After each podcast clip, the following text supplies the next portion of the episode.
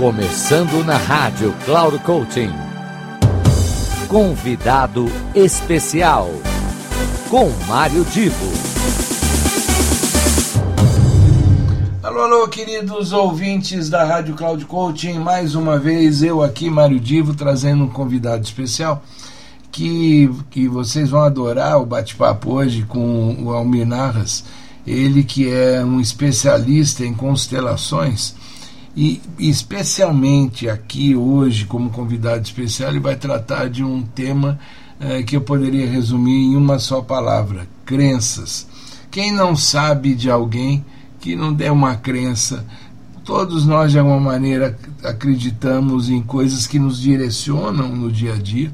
Uma crença muito típica é aquela de eu não sei falar em público e acreditando que não sabe, eu não consigo falar em público, a pessoa acaba se limitando de várias formas. Enfim, o tema é crença. Quem vai falar bem sobre isso é o Almir, e no final eu retorno para minhas palavras de encerramento. Olá a todos que me ouvem. Quero inicialmente agradecer ao gentil convite do Mário Divo para que eu participasse desse programa meu nome é Almir Narras. Eu sou professor, estudo e trabalho com constelações sistêmicas há 20 anos e quero falar com vocês sobre crenças, um tema recorrente. Muita gente na área de constelação organizacional ou constelação de carreira ou profissão tem é, o tema das crenças como um tema fundamental. Qual é a contribuição que eu posso dar a esse tema que é tão abordado em tantas disciplinas, né? Na visão das constelações, aquilo que nós trazemos como crenças, sejam aquelas crenças positivas, as nossas forças pessoais, como as chamadas crenças limitantes, elas têm uma raiz, e é uma raiz real. Em algum momento da nossa história ancestral, pode acontecer de ser algo da nossa biografia, da nossa experiência de vida. Essas são até mais fáceis de identificar e de trabalhar. Uma terapia de trauma, diversas linhas terapêuticas podem nos ajudar com crenças associadas a experiências de vida. Porém, existem aquelas que estão baseadas na nossa memória ancestral. Sabemos que as constelações indicam para nós que nós temos vínculos, vínculos profundos e inconscientes com a nossa história ancestral. Nossos pais, nossos avós e mesmo gerações bem mais antigas do que essa.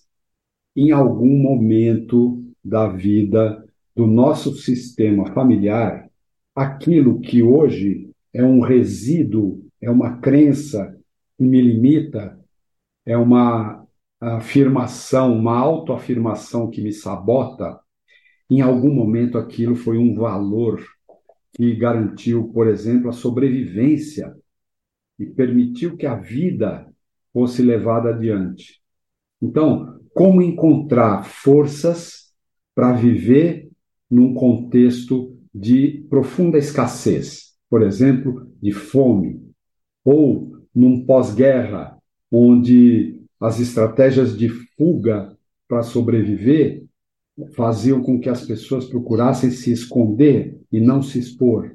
Portanto, existem histórias que moram em nós, compõem a nossa memória inconsciente e que elas estão enraizadas na história da família. Nesse tempo que eu tenho aqui para falar sobre isso com vocês, eu posso dar alguns exemplos que se traduzem em frases hoje em dia, e frases que eu ouvi repetidamente da minha mãe. Por exemplo, o que vem fácil vai fácil. A gente só consegue aquilo que a gente quer com muita luta, com muita luta. Aquilo que a gente recebe de mão beijada vai embora rápido. Ou coisas desse tipo. Parece só uma frase, Parece só que minha mãe era muito ingênua ou não tinha com ela uma autoconfiança ou uma motivação suficiente para obter mais da vida. Na verdade, as experiências da, da mãe dela, dos pais dela, que vieram da Europa fugindo da Segunda Guerra, em nome da sobrevivência, é, trazem embutidos dramas, vivências muito intensas e que eles conseguiram vencer graças a afirmar: não, com muita luta, com muito sacrifício, nós venceremos, a vida vencerá. Nós não podemos nos render à escassez, à fome, ao risco de morrer com estilhaços, com bala perdida, etc. A vida venceu, eu estou aqui, porém eu trago como uma espécie de homenagem inconsciente, uma lealdade oculta, determinadas crenças. E qual é a saída que as constelações propõem para que eu possa adotar crenças de forma consistente e permanente na minha vida? É honrar a minha ancestralidade, reconhecer a luta deles para que eu chegasse aqui. E tudo aquilo que os limitou, eu posso então deixar no passado, com respeito e gratidão. É isso, basicamente. Se você quiser saber mais, eu estou no YouTube, Almir Narras, eu estou no Instagram, Almir Narras, com H no meio, N-A-H-A-S. Um grande abraço e, Mário, mais uma vez, muito grato, tá? Alô, Almi, muito obrigado, dizemos nós da Rádio Cloud Coaching, por essa sua colaboração, uma informação bastante importante e que certamente vai ajudar uh, muitas pessoas, os nossos ouvintes, que sempre tem aqui, assim como você é um convidado especial, muitas vezes uma convidada especial, mas acima de tudo, a plataforma Cloud Coaching, a Rádio Cloud Coaching, querem sempre ser uma referência para que as pessoas eh, possam a cada dia ter um cotidiano melhor. Enfim, um abraço para todos vocês e até a semana que vem. Final do programa Convidado Especial.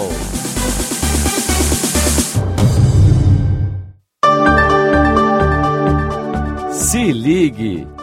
Semanalmente você ouve o programa Convidado Especial sempre na segunda-feira às 15 horas, com reprise na terça às 5 e meia da tarde e na sexta-feira às 10 horas da manhã. Quem será nosso convidado ou nossa convidada?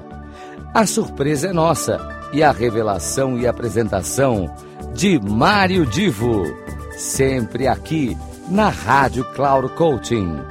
Acesse nosso site radio.cloudcoaching.com.br. Confira toda a programação e baixe nosso aplicativo na Google Store. Rádio Cloud Coaching, conduzindo você para o sucesso.